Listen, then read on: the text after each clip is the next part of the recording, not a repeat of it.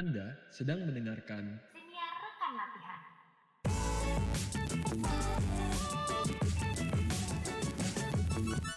Halo semuanya, kembali lagi di Siniar Rekan Latihan, tempat kita belajar bareng bersama Adam dan Shelly. Halo, selamat datang kembali semuanya. Di hari ini nih, gue lagi seneng banget nih Shell, Mhm.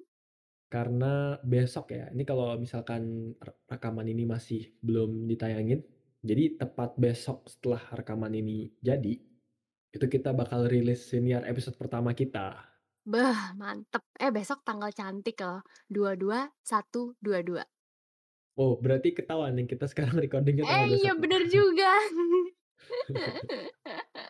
Nah, buat gue sebenarnya ini adalah suatu pengalaman yang menarik ya karena kita akan membuat sebuah senior yang kita juga belum pernah buat sebelumnya. Tapi ya nggak apa-apa, kita belajar bareng untuk bikin ini supaya bisa konsisten lah ya ke depannya. Iya, benar-benar. Karena kan kita juga sambil ngejalan ini sambil trial dan error juga dan pasti kita belajar banyak sih. Gua aja dari pengalaman yang ini udah belajar banyak banget. Kalau lu gimana? Ya, gue juga belajar banyak banget dan baik di pembuatan produksinya atau mungkin dari segi mentalnya yang mempersiapkan mentalnya. Nah, ngomong-ngomong soal belajar, belakangan ini lu belajar hal baru nggak? Mungkin dari buku atau internet atau video atau apa pun lah. Ada, ada. Selain mungkin mm, pembelajaran di podcast ini, gue tuh akhir-akhir ini lagi baca atau sering banget denger nih nama Profesor Adam Grant di buku yang pernah gue baca atau beberapa artikel yang pernah gue baca juga. Gue jujur sebelumnya nggak nggak pernah tahu dia itu siapa, tapi sampai akhir-akhir ini gue cari di Google nih, karena kan gue penasaran nih ini orang siapa gitu, sering banget gue baca namanya gitu. Dan ketemulah salah satu buku dia yang cukup terkenal yaitu Think Again. Jadi itu sih hal baru yang gue pelajari. Oh, menarik ya. Jadi lu belajar sesuatu dari buku nih ya.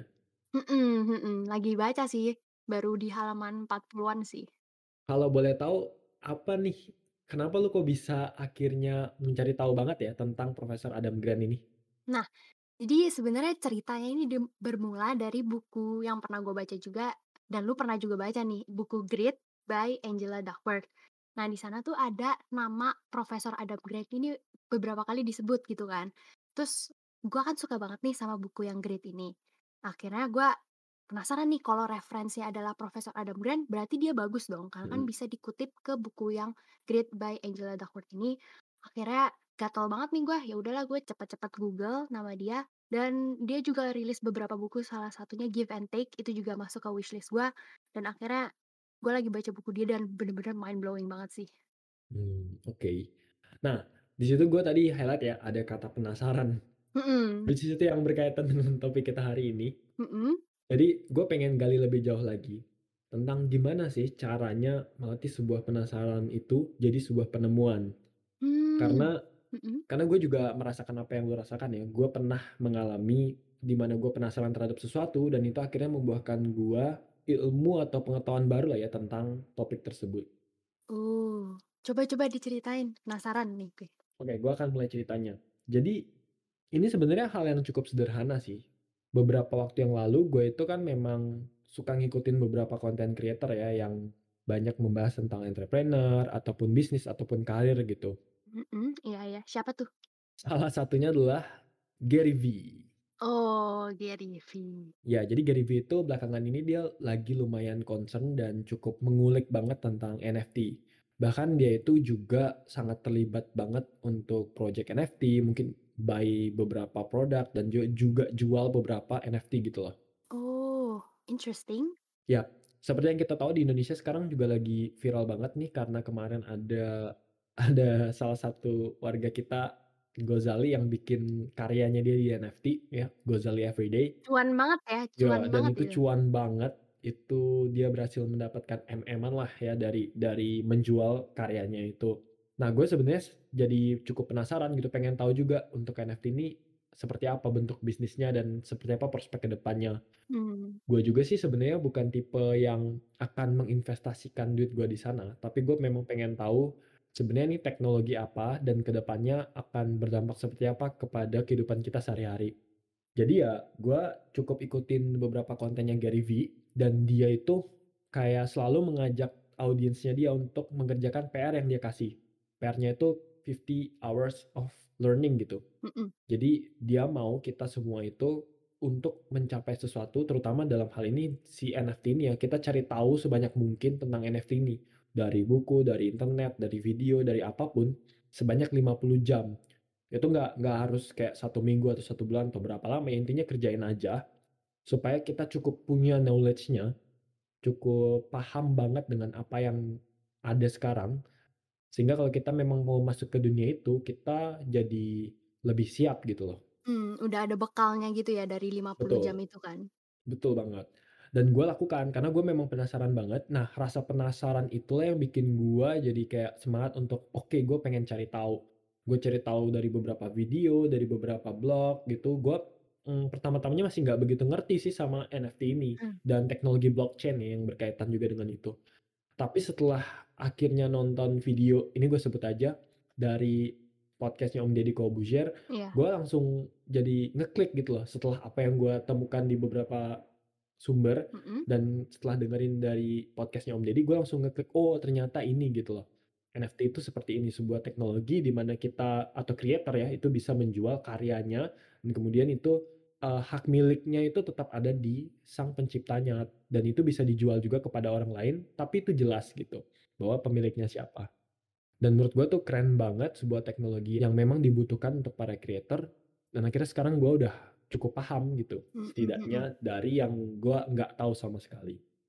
Hmm, menarik banget ya journey lu untuk bisa cari tahu tentang NFT ini, sampai akhirnya tuh paham sampai ngerti. Nah, perasaan lu ketika lu akhirnya memahami NFT itu apa tuh seperti apa sih? Itu perasaannya seneng banget, kayak dapat sebuah pencerahan ketika gue nonton si videonya Om Deddy itu. Kalau sebelum-sebelumnya gue seneng kan dan semakin tertarik gitu, tapi ada perasaan puzzled gitu di otak gue, masih kayak bingung. Kayak, ini apa gitu, walaupun lu udah jelasin berulang kali gitu, kayak kita di kelas gitu, terus diajarin sama guru atau apa, tapi kita nggak ngerti-ngerti banget gitu. Dan, satu hal yang bikin gua seneng itu adalah kepuasan ya, lebih ke puas karena finally akhirnya gue ngerti gitu loh, apa yang dibicarain sama sekian banyak orang ini, dan itu karena usaha gua mencari tahu gitu loh. Oh, bener sih. Itu sih perasaan paling memuaskan. Karena otherwise ya kalau misalkan gua nonton videonya Om Deddy, tapi gua nggak melakukan research sebelum-sebelumnya, Mhm. kemungkinan juga gua nggak nggak begitu langsung ngerti kayak sekarang gitu. Mmm, iya iya iya, jadi kayak di-build up gitu kan?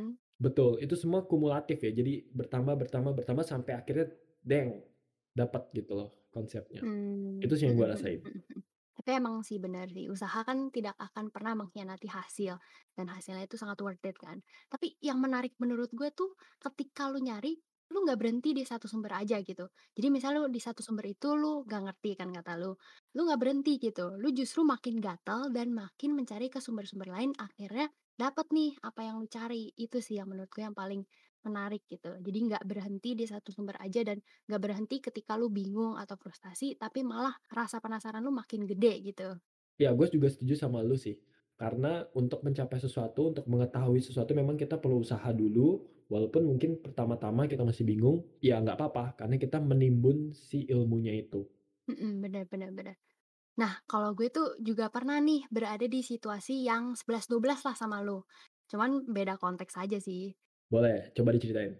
Nah, kalau gue kemarin tuh dikasih semacam sentilan lah ya untuk bisa lebih aware dengan sesuatu yang sedang terjadi di organisasi kampus. Eee, spesifiknya tuh tentang anggota yang kurang proaktif.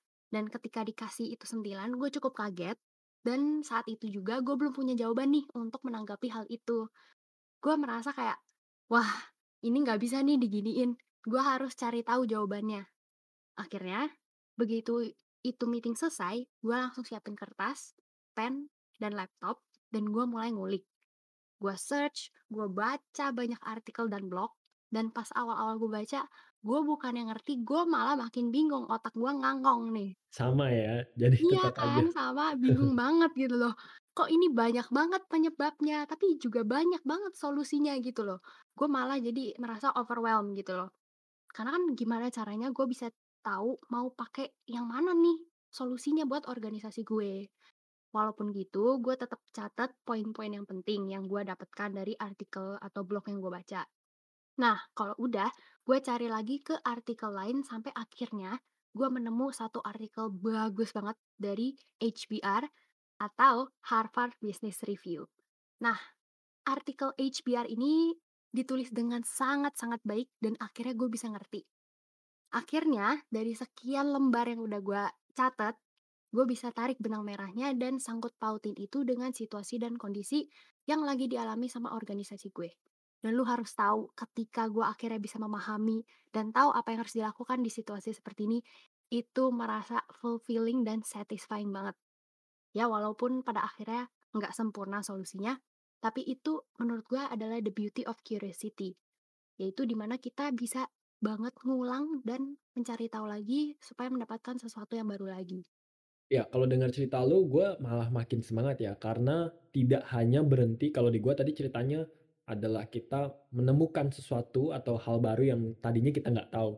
Tapi kalau di lu ini udah jauh gitu, udah masuk ke aksi gitu, bahkan penemuan yang tadi kita udah dapetin dari sebuah penggalian, kita cari tahu, kita cari tahu malah sekarang udah jadi sebuah solusi ya. Iya, terkadang ya mungkin orang susah untuk melakukan itu dan itu wajar aja gitu. Jadi misal udah nyari ke satu sumber, nggak ngerti atau makin bingung, terus rata-rata dari mereka tuh stop dan bilang, aduh gue nggak bisa, aduh susah banget, ah udahlah ini bukan buat gue.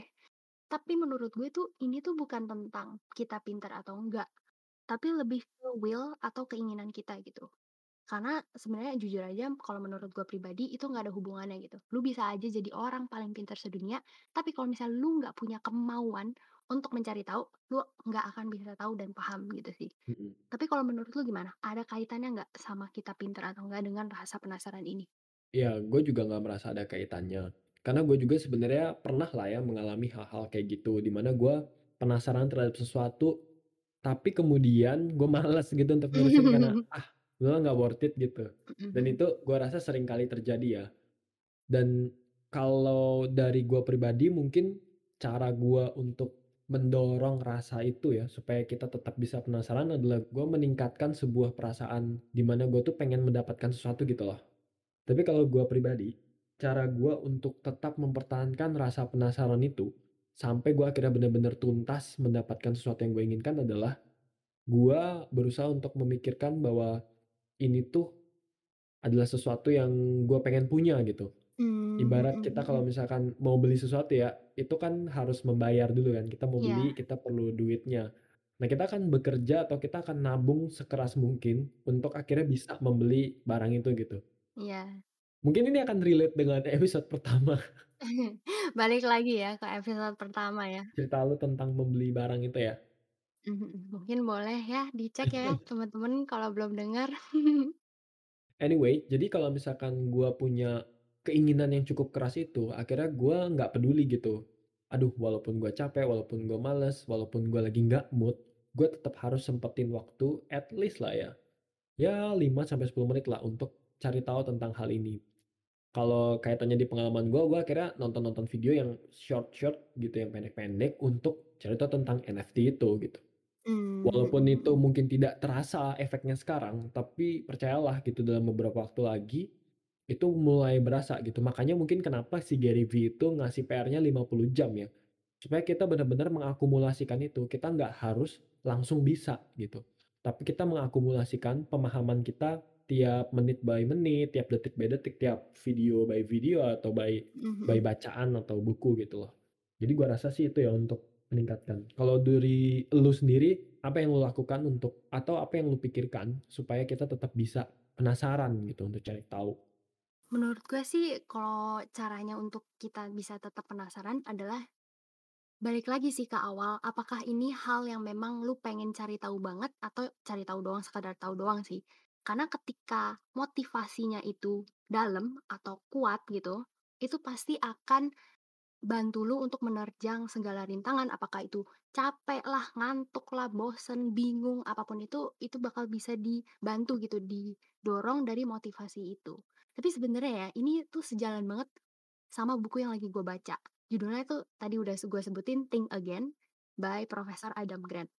Jadi katanya ketika kita lagi penasaran, kita itu masuk ke dalam scientist mode. Jadi ketika kita sedang mencari kebenaran, itu kayak macam scientist gitu di lab. Caranya adalah kita berhipotesis, lalu kita bereksperimen nih dengan berbagai cara untuk mencari tahu bener nggak sih hipotesis kita, dan akhirnya menemukan sebuah pengetahuan baru. Dan menurut gue ini pernyataan yang bener banget, karena kan kalau jadi scientist, kita harus curious atau penasaran dulu nih dengan apa yang kita nggak tahu. Makanya bisa mengarah ke penemuan-penemuan hebat dan groundbreaking. Tapi menurut gue, scientist mode ini nggak cuma berlaku ke orang-orang yang pakai jas dan kerjanya di lab doang. Tapi kita juga bisa gitu. Sadar atau enggak, kita berhipotesis juga gitu. Dan kita ngetes nih hipotesis kita bener atau enggak dengan cara searching di Google, nonton video kayak lu, atau eh, baca artikel kayak gua, dan dibarengi dengan dorongan rasa penasaran itu kayak apa yang kita berdua alami gitu sih. Ya, mungkin sederhananya kita tuh suka berasumsi ya terhadap pengertian kita sendiri gitu. Kayak kalau misalkan kita lagi ngelihat cuaca aja gitu, begitu mendung kita langsung asumsi, "Ini kayaknya hujan nih," gitu. Iya iya iya. Cuma kan terkadang asumsi itu ada yang benar, ada yang enggak, tergantung dari memang cuacanya seperti apa kan. Dan Mhm. asumsi kita pun dalam sekian lama waktunya akan semakin lama semakin mendekati realitanya gitu, karena kita mulai paham, "Oh oke kalau awannya kayak gini, anginnya kayak gini, kayaknya ini bakal hujan." Atau kalau udah mendung tapi tidak begitu berawan, atau, "Eh kok malah nggak berawan?" Kalau misalnya mendung tapi anginnya nggak begitu kencang, mungkin ini nggak hujan dan sebagai sebagaimana dan lain-lain ya. Mhm mhm mhm. Makanya itu tentang curiosity ini nggak selalu tentang hal yang baru. Jadi misalnya kita tahu nih bakal hujan, tapi kita bisa aja itu mengecek itu di Google atau di weather dan itu leads to rediscovery dan kita bisa merevisi asumsi kita gitu. Betul betul. Jadi nggak pernah ada kata salah ya. Maksudnya kalau misalnya memang Ya, kita kurang paham, ya udah kita tinggal cari tahu lebih lagi gitu. mhm. Bener banget bener banget. Gue rasa kita perlu me-recap dulu apa yang tadi kita udah sempet bahas ya. Untuk sebuah rasa penasaran itu menurut gue paling penting ada satu kuncinya yang pertama kita cari tahu dulu purpose-nya apa gitu. Tujuan kita Mhm. untuk cari tahu tentang satu hal ini apa. Apakah kita ingin mengetahui hal yang baru, apakah kita ingin mendapatkan suatu pencerahan dan lain-lainnya ya, mendapatkan solusi. Mhm. Kemudian itu diikuti oleh 2 hal lainnya, yaitu yang pertama ya kita harus mau nih meluangkan waktu, meluangkan en energi, tenaga kita gitu, untuk mencari tahu ini. Karena memang nggak mungkin kita cari tahu tanpa kita mengeluarkan usaha gitu. Mhm, pasti ada pengorbanannya kan? Betul. Dan yang terakhir adalah kita pikirin, ini pasti akan ada dampaknya gitu. Kita pasti bisa mendapatkan sesuatu, baik itu perasaan senang ya karena kita udah mendapatkan apa yang kita inginkan, atau kepuasan karena kita berhasil cari tahu sendiri, atau kita bisa mendapatkan solusi itu tadi gitu. Jadi seperti kita mendapatkan hadiah dari apa yang udah kita kerjakan gitu loh. Iya iya, hasilnya udah mulai berbuah gitu kan? Betul. Itu sih gua rasa yang jadi faktor ya untuk kita tetap bisa Mempertahankan rasa penasaran kita. Gue sih setuju banget sama lu 100%. Dan mungkin kalau misalnya gue boleh tambahin, sebenarnya ada satu cara lagi atau trik lagi yang bisa dilakukan nih, biar bisa semakin rutin dalam memiliki rasa penasaran dan beneran dicari gitu. Yaitu kita harus punya rekan atau partner yang bisa kalian ajak ngobrol tentang hal-hal yang bikin kalian berdua bisa terpicu untuk belajar dan akhirnya leads to penemuan-penemuan baru. Ya, salah satunya mungkin kalian udah punya ya, itu siniar ini yang selalu bisa kalian jadikan rekan latihan kalian, bener nggak, Dam? Iya, bener bener. Gua rasa dengan kita ngobrol sama orang lain ya, mungkin kayak yang kita lakuin sekarang ya, akhirnya kita tetap Mhm, termotivasi gitu untuk, "Oh, oke, kayaknya gua nggak boleh berhenti dulu nih, gua harus cari tahu lagi, gua harus gali lagi." Kayak yang kita lakuin di siniar ini ya, kita belajar lagi, kita gali terus. nah benar benar benar. Asik nih, pembicaraan kita makin minggu makin berbobot nih ya. Nah, untuk teman-teman yang masih dengerin sampai detik ini juga, terima kasih banyak karena kalian udah meluangkan waktu untuk mendengarkan siniar ini. Seperti biasa, kalian bisa banget follow Instagram kita, @rekanlatihan, untuk lihat update dari kita dan juga lihat blueprint obrolan hari ini. Itu wajib banget dicek, dibaca, di-share juga ke orang-orang terdekat kalian supaya rekan latihan kalian bertambah. Betul banget, dan juga jangan lupa untuk follow Spotify kita ya, di @rekanlatihan di mana kalian dengerin siniar ini, supaya bisa tahu apa paling baru dari episode-episode yang kita upload. Mungkin itu aja, gua rasa obrolan hari ini udah cukup padat. Kita akan ketemu lagi minggu depan di jam yang sama hari Sabtu. Jadi sampai jumpa semuanya. Bye!